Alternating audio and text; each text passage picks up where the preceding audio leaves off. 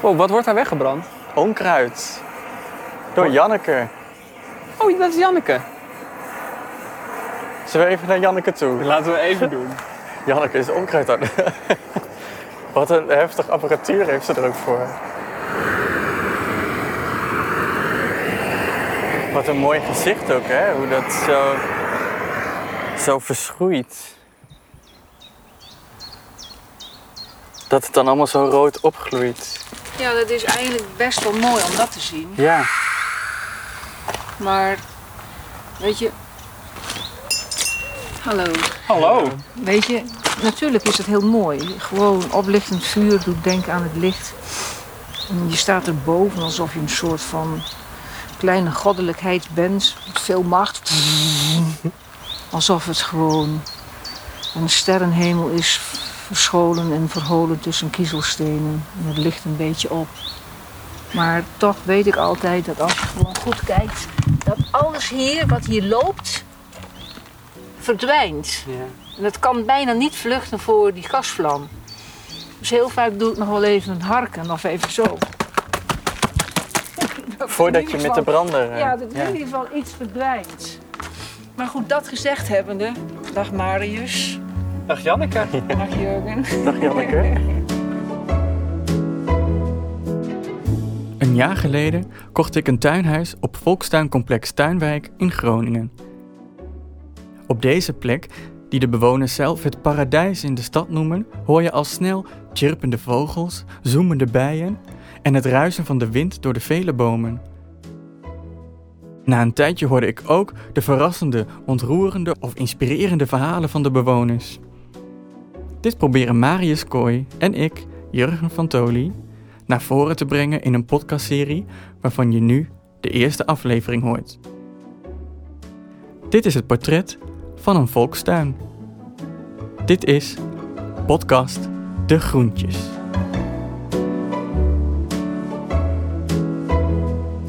Welkom op de, welkom op de tuin. U ziet en hoort,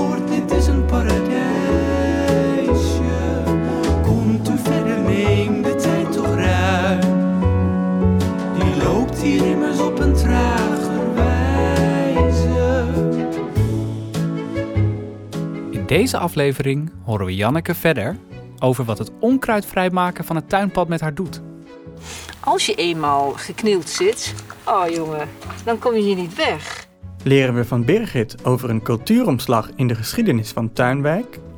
Maar het allerergste vonden ze dat er nieuwe mensen kwamen die anders gingen tuinieren. Geeft Agnes een tip voor thuis en neemt Saskia ons mee over het verende pad. Zometeen lopen we dit stukje naar de klimop. Jullie mogen er zometeen om de beurt overheen lopen. En als je durft, mag je dat doen met je oog dicht. Maar we beginnen bij de ingang van Tuinwijk en het standbeeld van haar oprichter, Jan Evert Scholten. Welkom op Tuinwijk. Ik ga jullie zo meteen wat vertellen over Tuinwijk zelf, over de geschiedenis en waar we gaan lopen.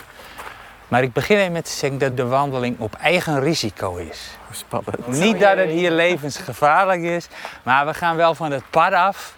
Je komt eh, in stukjes waar het niet eh, gelijkmatig is. Er hangen takken, er zijn beestjes, dus je, er kan altijd wat gebeuren. Maar dat je dan niet zeurt van, oeh, ik ben geprikt door een mug of ik ben tegen een tak aangelopen. Ja, of loslopende Goed. kinderen. Ja, Ja, dat, kan ook eh. Ja, Tuinwijk. Ik laat een kaartje zien van Tuinwijk. Maar in beet.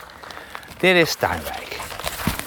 En we gaan lopen in dit groene stuk. En dit is het deel van de wandeling. Oh ja. Dus we gaan eh, door de zeg maar, niet bebouwde stukken van Tuinwijk. En daarmee is Tuinwijk ook wel een bijzonder volkstuincomplex. Want de meeste zijn helemaal volgebouwd met moestuintjes en met eh, huisjes recht toe recht aan. En Tuinwijk is wat schever en heeft heel veel stukken ja, groen. Het zijn vrij veel open stukken, hè? Vrij Niet veel, bebouwde ja. stukken, Ja. ja.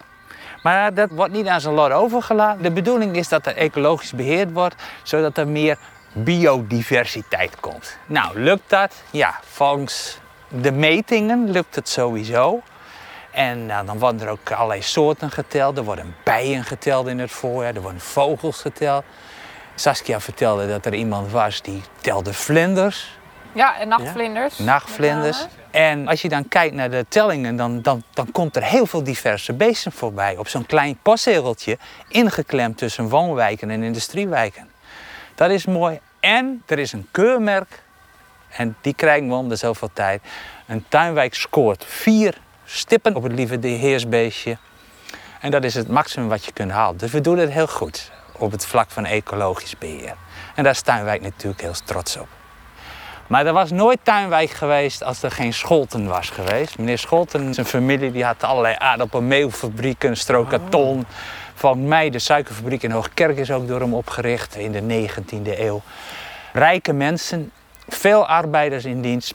En meneer Scholten bedacht, het zou goed zijn dat mijn arbeiders een deel van hun vrije tijd, schaarse vrije tijd natuurlijk toen, besteden aan tuinieren. In plaats van alcohol drinken en het ontwikkelen van revolutionaire ideeën waar je weer last van zou kunnen hebben. Dus hij heeft tuinwijken opgericht. Alleen niet hier, maar aan het Eemskanaal, waar nu ongeveer IKEA en de brandweerkazerne Oh. zijn. Ja. Ja. En daar heeft Tuinwijk tot 1963 van mij gezeten. Toen is Tuinwijk hierheen gekomen. Hier was niks. Dit was een poldertje. Je ziet wel, het is wel twee meter, misschien wel meer, lager dan de Helperzoom. Het was een soort, ja, eh, een soort onland waar niemand wat mee wou. Want Ja, als je, als je de intree binnen gaat, gaan we echt een stukje omlaag. hè? We gaan echt Ja. schuin omlaag en dan Ja. komen we in, eigenlijk op de tuin terecht. De, de tuin ligt veel lager. De tuin is ook daardoor natter. Ja. En het water van daar stroomt ook de tuin in. Maar daar gaan we het straks nog over hebben. Oh, leuk. Dus eh, meneer Schotten is de oorzaak ervan dat Tuinwijk eh, opgericht is. En Tuinwijk is hier gekomen omdat de gemeente Tuinwijk niet meer daar bij het Eemskanaal wou hebben. Nou, dat heeft heel veel opweg geleid. Bewoners, sommigen heel boos. Bewoners van Tuinwijk. Ja, die wouden hier niet heen. En de gemeente is heel lang onduidelijk geweest. Er zijn zelfs mensen die hun huisje in de fik hebben gestoken. Niet. Hadden ze beter niet kunnen doen, want even later viel het besluit dat Tuinwijk ging verhuizen. die hadden dus niks meer. maar goed, zo ging het. Wauw. Ja. Het lijkt me een, eh, een beetje een strenge man. Als je ik hem zo bekijkt. Ja. Grote snor, grote markante snor. Een vlinderstrik. Ja, ik, ik denk dat het ook een deel is. eh, kijk, het was natuurlijk een, een echte baas. Hè? Als je allerlei fabrieken hebt en daar de leiding over geeft en, en je wil dat zo houden, dan ben je ook streng. Maar ik denk dat het ook wel een tijdsbeeld is. Want je zou nu niet meer zo iemand afbeelden. Nee, dat is ook wel ik. zo, hè? Ja. Maar wel mooi. Ja, het ziet er mooi Ik uit. vind het ook wel mooi dat het toch wel een eerbetoon is. Ja? wat je er ook van vindt. Goed, dan ben ik klaar met mijn intro. En dan lopen we die kant op en dan Ja, heeft Saskia het klopt. over. Even kijken, nou ja, Peter die heeft natuurlijk verteld over eh, dat Tuinwijk van alles doet aan de biodiversiteit. Hè, om te proberen dat verder te stimuleren. Dus in deze wandeling willen we ook daar wat beter naar kijken. En ook jullie wat laten ervaren en laten ontdekken van... goh, eigenlijk is de natuur overal te vinden. En ik hoef niet eh, naar de Veluwe of naar het Lauwersmeergebied om natuur te kunnen ontdekken. Hè. Dat is ook gewoon bij je in de tuin of eh, zelfs op de stoep. En eh, we beginnen hier bij dit paadje. Zometeen lopen we dit stukje eh, naar de klimop. Jullie mogen er zo meteen om de beurt overheen lopen. En als je durft, mag je dat doen met je oog dicht. Dus dan is het zaak om even te bepalen van, van hè, het loopt vrij rechtuit en hoe- hoe gaan mijn stappen dan? Uiteraard zal ik wel een beetje corrigeren mocht het echt helemaal misgaan. Want het gaat erom, voel eens even hoe dit nou voelt. Of wat, de- eh, wat merk je dan? Oh, leuk. Dat ga ik doen. Ja. Ja? Ja. Dus ik zal eerst even Ja, daar ja, ga jij lopen. eerst? Jij je ogen dicht ook niet, of niet? Nee, ik niet. ik ben toch niet gek? Mag ik? Ja hoor, kom maar. En ik kom achteraan als bezemwaar. Oh, heel goed. Oké. Het gaat goed hoor. Ietsje naar rechts. Oké. Voel Ja. vooral krakende blaadjes nu. En een zachte ondergrond. Echt eigenlijk een heel zachte ondergrond voel ik. Ja. Ja hoor, je bent er. Ik ben er. Ja. Nice. Oh, Jurgen, dan ben jij. Oh ja, dit is toch... Ik, ik, oh, ja, het is toch veel spannender om met ogen dicht te lopen dan ik dacht. Je voeten worden zo een beetje zo opgenomen in het pad. Ja, stop maar hoor. Oh ja, oh, hey. Hi. Dus daar ben je heel dichtbij. Ja, je voeten worden opgenomen door het pad.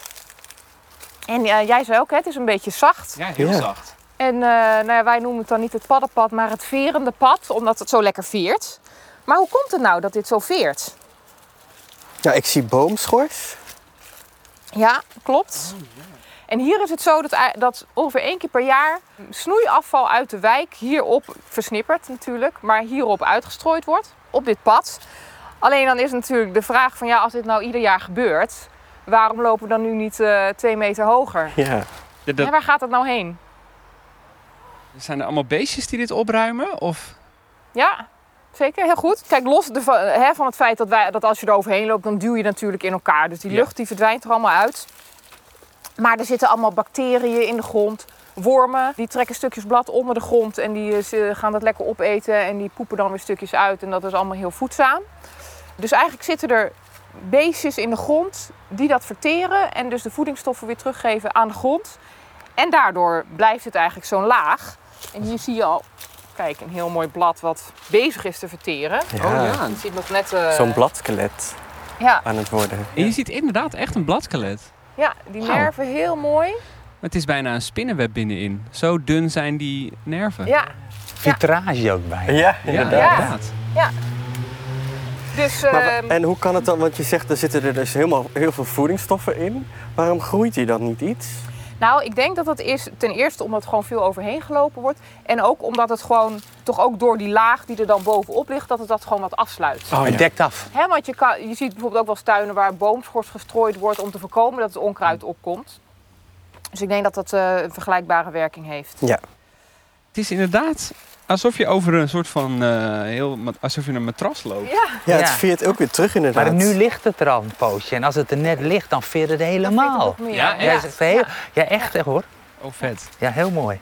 Als je een paadje hebt in je tuin of je wilt een paadje maken van ja, de- vaak denken mensen nou leg ik tegels neer of klinkers. Maar dat hoeft niet per se. Als je er niet met eh, zwaar materieel overheen hoeft, dan zou je ook kunnen denken nou misschien kan ik wel een paadje van boomschors doen bijvoorbeeld. En dat draagt dan weer bij aan de waterafvoer, want het- dat regenwater zakt er langzaam in weg en bij een stenen paadje spoelt dat natuurlijk in één keer het riool in. Dus, ehm, het ziet er eigenlijk veel leuker uit. en het ziet er veel leuker uit. En, Ja. het, en je hebt iedere keer die verende ervaring. dat is Dus, heel eh, leuk lijkt me dat eigenlijk. Ja.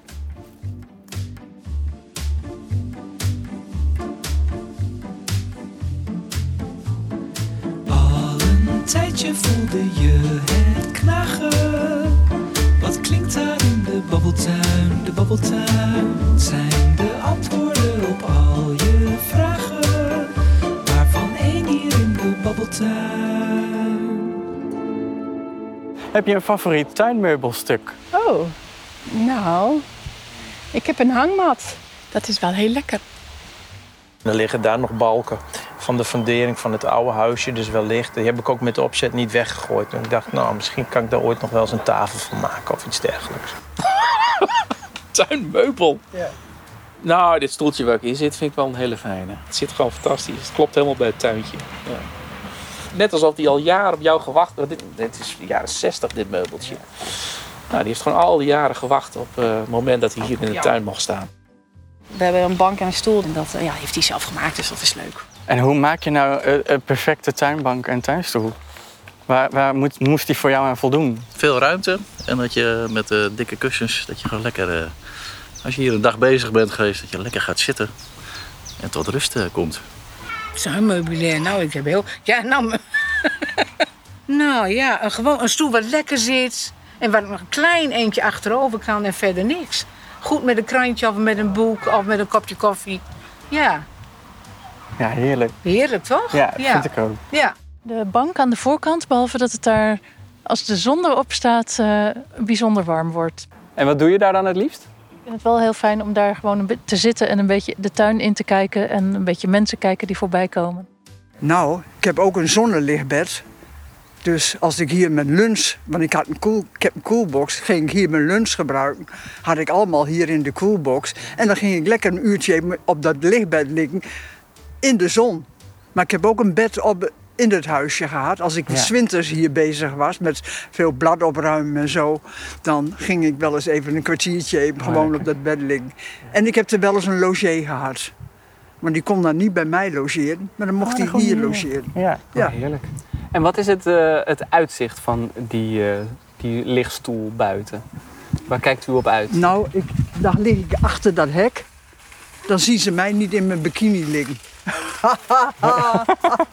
nee, en dan heb ik, heb ik een rokje aan en die hou ik tot hier als er iemand komt en die bedekt mij dan net. Ja, precies. Oh, wat Heeft u net privacy ja, daar? ik denk ik ga hier niet zo liggen dat als iedereen mij half blo- bijna bloot.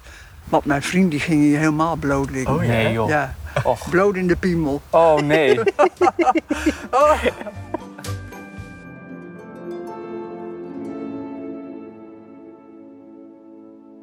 Hallo. Oh, komt er een hond aan? Oh, hey. Hi. Wat is lief hoor. Oh, gelukkig. Hoe heet ze? Hoe heet Mia.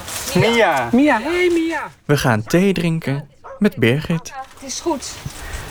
Het is goed, het is goed, het is goed. Goed, zo klaar. Zij zit in de kennismakingscommissie van Tuinwijk en heeft een van de meest weelderige bloementuinen. Daar verwelkomt Birgit ons.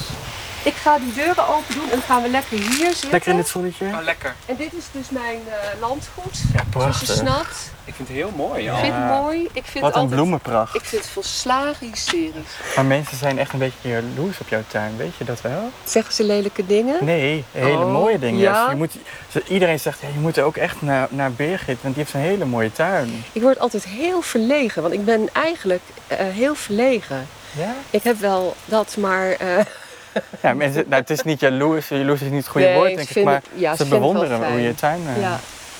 En dat komt ook omdat ik gewoon eigenlijk al mijn vrije tijd erin stop. En niet iedereen kan dat. En sommige mensen hebben ook normale hobby's. En Maar je zegt ook, want je dekt het in met hysterisch, maar je bent stiekem heel trots. ik, ik ben heel blij. Ja. Blij. Blij. Trots ben ik niet, want ehm, er is een heel mooi gezegde. Hè? Ja. Toon mij uw hof en ik zeg u wie u bent. En ik denk ik, oh, wat ziet er hartstikke leuk uit. Dan denk ik, ja, dit ziet er ook, ik zie er ook hartstikke leuk uit. Maar ik weet precies wat mijn zwakke kanten zijn en wat mijn grote fouten zijn.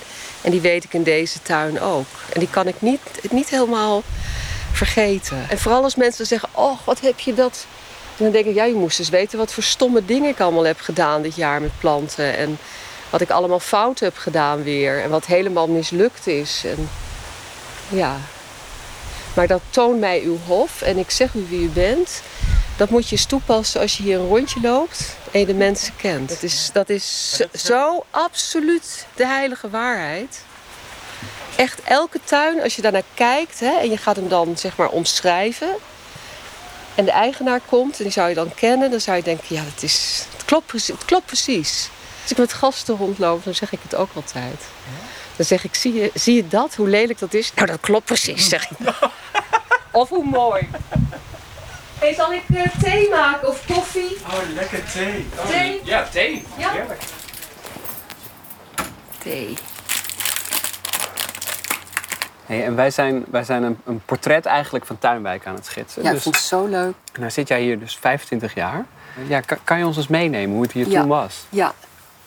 Ik zal jullie meenemen, want het was denk ik in 1996 ongeveer dat ik hier voor het eerst kwam.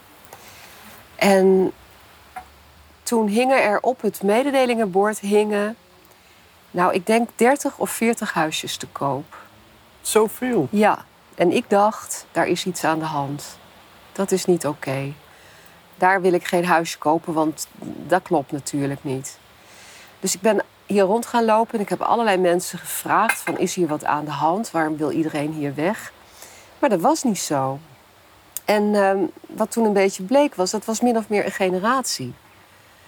En het was hier heel anders dan nu. Het waren allemaal mensen die al met hun ouders hier gekomen waren. En oom en tante die zaten verderop. En de neven en nichten. En iedereen kende elkaar. En hadden dit ook opgezet, hè, ergens in de jaren zestig. Dus die waren, ja, dat, die, dat waren de echte tuinwijkers. En eh, ik was dan met nog een handjevol andere mensen... was een soort van rare import. Dus betekende dat je een beetje scheef werd aangekeken. Want, eh, en sowieso nieuwkomers, dat, dat, ja, dat voelde je. Dat hoorde je ook van mensen. Van, eh, nou ja, het is een beetje onaardig om er zo over te praten. Maar het was hier heel erg klennerig. Er waren ook fetes tussen bepaalde families en zo. Daar hoorde ik ook wel eens wat van. Maar het allerergste vonden ze dat er nieuwe mensen kwamen die anders gingen tuinieren. Want ik tuinierde altijd al zo. En dit was ongeveer het ergste wat je kon doen. Want je, had, je moest eigenlijk een zwarte grondborder hebben. En dan tien Afrikaantjes met veel ruimte ertussen. En dan helemaal onkruidvrij. Dus dat ecologisch tuinieren, dat was vloeken in de kerk. En ik moet je zeggen dat na de eerste algemene ledenvergadering waar ik geweest was... die was zo heftig dat ik na afloop hier eh, stiekem zat te huilen. Oh nee. Ze vlogen elkaar aan in de kantine. Nou, nog net niet, maar ehm, ik denk dat het de eerste of de tweede vergadering was. Dat iemand echt in de vergadering de voorzitter met de dood bedreigde. Niet. Ja, ja. Waar ging dat dan over? ja, over ecologie. Dat was toen al een begrip. Die toenmalige voorzitter die was dat proces aan het, op gang aan het brengen. En dan werden er dus voorstellen gedaan. Bijvoorbeeld de, de woeste, wat zeg ik nou? De woeste weelden. Mhm. Ja? Dat is woest en zo. Hè? En dat is leuk. Nou, als je dat in die tijd voorstelde, nou, dan ging je kop eraf. Dat was verschrikkelijk. Alles moest blijven zoals het was. En het was altijd al zo geweest. En Maar waarom vonden mensen... Ja, wat vonden ze daar dan zo verschrikkelijk aan? ehm, dat het niet netjes was. Het moest vooral makkelijk te behappen zijn en makkelijk te onderhouden en onkruidvrij. En zoals het maaibeleid nu op het grote veld, nou, dat had je toen er nooit doorgekregen. Ja, daar was de tijd toen nog niet echt rijp voor. Dus die oude, met name de ouderen hier, nou, ik denk dat het voor hun heel moeilijk is geweest. Die omslag naar het ecologisch tuinieren en ook het hele andere publiek wat hier kwam. Want ook dat gebeurde er. Er was, was een cultuuromslag. En die cultuuromslag die, dat was niet alleen maar naar dat ecologisch tuinieren, maar ook naar het soort tuinwijkers die er kwamen. En dat, dat, dat kan ik me heel goed voorstellen, dat is niet zo leuk. Nee, je, je plek verandert helemaal. Waar Ja. jij al helemaal aan gewend bent. Ja, en ook je eh, verenigingsgenoten veranderen. En ik denk dat dat, eh, ik vind het heel begrijpelijk, maar dat was echt wel een beetje een periode dat er, nou, dat het voor de oude garde, zeg maar, slikken was. Wat, was jij, wat voor positie nam jij aan? Ik was eh, heel gedwee. Ja? Ja, want als je een paar keer een voorstel doet bij een algemene, algemene ledenvergadering over dingen waarvan je denkt, god, dat zou leuk zijn. En ehm, nou, je kop werd er zo ongeveer afgebeten, dan hou ik me liever stil. En eh, op een gegeven moment denk ik dat een tuinhuisje ook een, voor andere mensen die er niet mee bekend waren, een bijsmaakje kreeg. Van, daar staan dan van die mannen in van die overals met, op klompen met een petje, die staan dan te schoffelen. En toen ik het huisje kocht en ik vertelde dat op mijn werk aan mijn collega's, toen hoorde ik negen van de tien keer, nou ja, Birgit, wat moet jij daar nou? En dan, dan kwamen ze, in de loop van de tijd kwamen ze langs en dan zeiden ze, oh, ik wil dit ook. maar ehm, omdat die, die prijzen zo langzamerhand zo hoog zijn geworden, klinkt heel lullig, komen er ander soort mensen. Ja. Klinkt heel lullig, maar het is gewoon de waarheid. Heb je dan, als het ware, maak jij hetzelfde mee als, eh, als die mensen toen? Nee. Nee. Dat er ander volk komt? Nee hoor, dat, eh, ik heb daar helemaal geen moeite mee. Ik vind, ik vind eigenlijk zeg maar, de gemiddelde tuinwijker ontzettend leuk. Het zijn echt hartstikke leuke eh, types. Vooral die mensen die echt gek zijn op hun tuin. Want dan heb je ook maar een half woord nodig, maar je deelt diezelfde passie voor die tuin. En die kan ik allemaal zo aanwijzen, want die zijn er ook altijd. Die zijn ook altijd aan het knoeien. En nou, daar wissel je planten mee uit en zaadjes. En in de loop van de jaren ken je gewoon heel veel mensen. Maar omdat je het betreurt, de nieuwe ontwikkeling. Ik Daar kwam de betreur het omdat vandaan. ik vind dat het elitair begint te worden. Ja. En dat, en dat zie ik ook nog eens extra, meer dan een ander. Omdat ik in die kennismakingscommissie altijd, nu door corona niet... maar normaal gesproken doe je huisbezoek. En dan had ik wel eens dat ik van een penthouse aan de Predinius single... een week later in een villa in Haren zat te praten. Nou, ja, dat zegt alles. Dus het wordt, het wordt toch wel een beetje elitair, omdat de prijzen zo hoog liggen. Waarom, want je begint nu over de kennismakingscommissie en ik, eh, ik ben al met Jurgen. Jurgen die gaf bij mij aan, ik ga een, eh, een huisje kopen op Tuinwijk. en toen vertelde Jurgen mij, eh, Dat de kennismakingscommissie kwam. En toen, en dacht ik, kennismakingscommissie? Wat, wat, wat, ja. Ja. wat wordt er dan gecheckt? En... Ik vond het heel spannend toen, weet ik, Ik nog. ook. Ik vond het ontzettend spannend. En heel vervelend. Echt? Ja, ik had twee hele strenge oude mannen. En mijn man viel in slaap. Nee. Die zat zo... Het was heel saai. Mijn man is niet zo... eh, nou ja, die, die, dat interesseerde niks. Dus die dacht, ja, ik heb een lange dag Ja. gehad en eh, de groeten. Nee, ik zal het uitleggen. In aflevering 3 vertelt Birgit verder over de kennismakingscommissie. Maar nu terug naar Janneke, die onkruid verwijdert met vuur. Dag Marius. Dag Janneke. Dag Jurgen. Dag Janneke. nou, ik vond Wat is dat? Dit is een, eh, eh, een plof. Dat, eh, ik heb hier een microfoontje. Oh, kijk. We zijn, we zijn al aan het opnemen. Oh, dat wist ik niet. Nee, We zijn live. met jou uh, goed vinden natuurlijk. We gebruiken niks zonder goedkeuring. Maar we zagen in één keer een indrukwekkend verschijnsel. Ja, dat mag je wel zeggen. Indrukwekkend is het. Waarom moet dat weg, hier tussen het pad? Dat, is, eh, de, dat zijn de regels van, eh, van, eh, van ons bestuur. En in overeenstemming en goedkeuring natuurlijk met degene die Tuinwijk bevolken. Ja. En bewolken. Bewolken. Ja, het moet gewoon voor het oog eh, netjes zijn. Een beetje eenheid. Althans voor de paden, omdat dit ook toegankelijk dient te zijn voor de burger. Dus alle hegjes of haagjes op één lengte. Ja. Een beetje, de een kan beter snoeien zoals je ziet bij mijn buurvrouw dan de ander.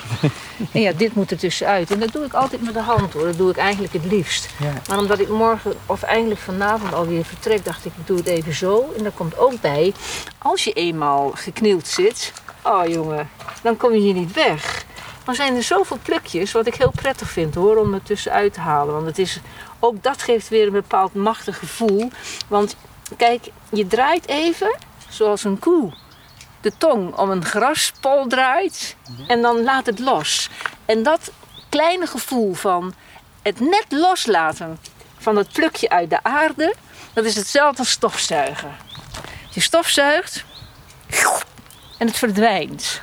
Dat is mijn gevoel nu van macht. Hoe klein ik ook ben. Ik ben nooit iemand die zegt, hé jij daar. Maar dit gevoel, hoe het is, weet je wel, dat het opeens loslaat. Dat is gewoon een heerlijk gevoel.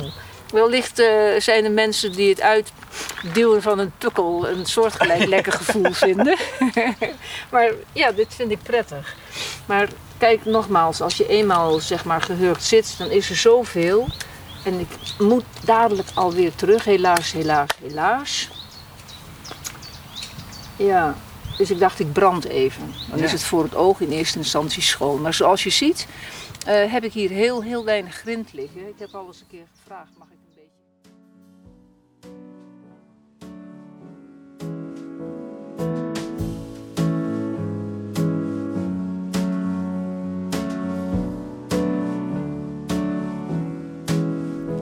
Wat kan jij doen in je tuin of op je balkon om de natuur meer te beleven? Agnes Bakker werkt bij IVN Natuureducatie en geeft ons elke aflevering een tip voor thuis. Met deze keer Ik ga jullie vandaag iets over mulgen leren.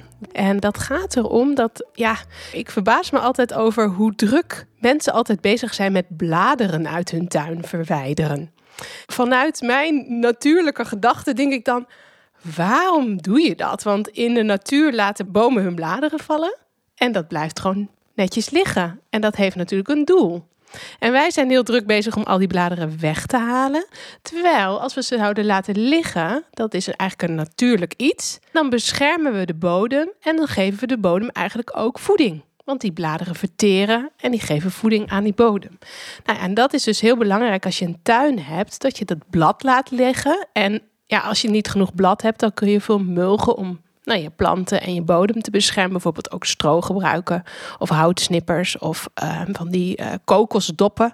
Maar ja, het allermakkelijkste is natuurlijk om gewoon bladeren te gebruiken. Want dat is gewoon voorhanden en natuurlijker.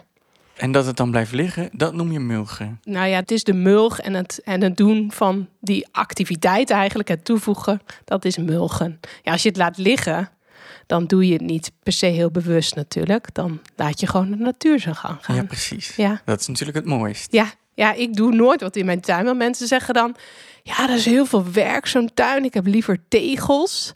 Terwijl als je de natuur zijn gang laat gaan in je tuin, dan hoef je er in principe niks aan te doen. Misschien af en toe een beetje snoeien, maar Dat klinkt jou denk ik wel goed in de oren. Ja. Dit lijkt me heerlijk. ja, vooral g- mensen die er niks van af weten, denken altijd dat het makkelijk is om een betegelde tuin te hebben. Maar dat is eh, echt niet waar. Dus gewoon lekker groen, die tuin.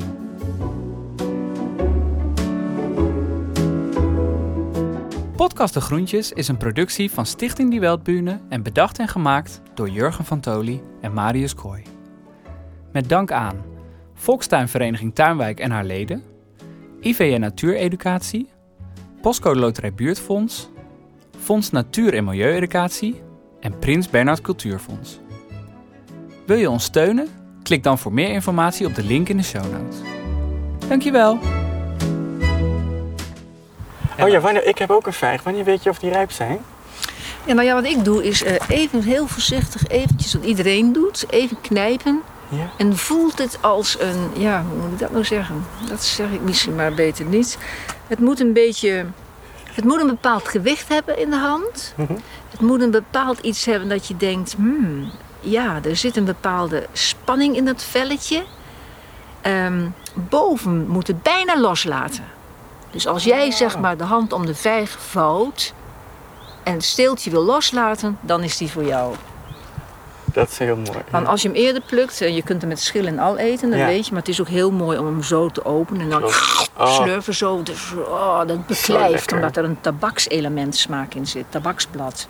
In, in een vijg? En vijg, ja, ja, ja, ja, ja, ja. Ik vind het echt het beklijft. Je hebt nou wel drieënhalf minuut later, proef je dat nog steeds. Ik vind het een fantastische vrucht. Maar als ze niet rijp zijn, dan is het weggegooide vijg. Is het weggegooid. Is Dat is ook niet dat hij eh, dan kan narijpen op nee, de schaal. Nee, ja, het kan misschien wel, maar Dat is minder lekker. ja, ja, alles rijpt wel na. Maar dat narijpen is eigenlijk een beetje besterven. Ja. En ik heb liever dat het rijpt aan de boom dan dat het sterft op de schaal. Of in de schaal. Heel Jongens, mooi. ja. Nou, Oké, dankjewel. Hartstikke bedankt. Take care, ik zie jullie later. Ja, succes nog. Ik verschuif dat ding even weer. Ja, heel veel succes. Jo. Doei doei. Doei doei.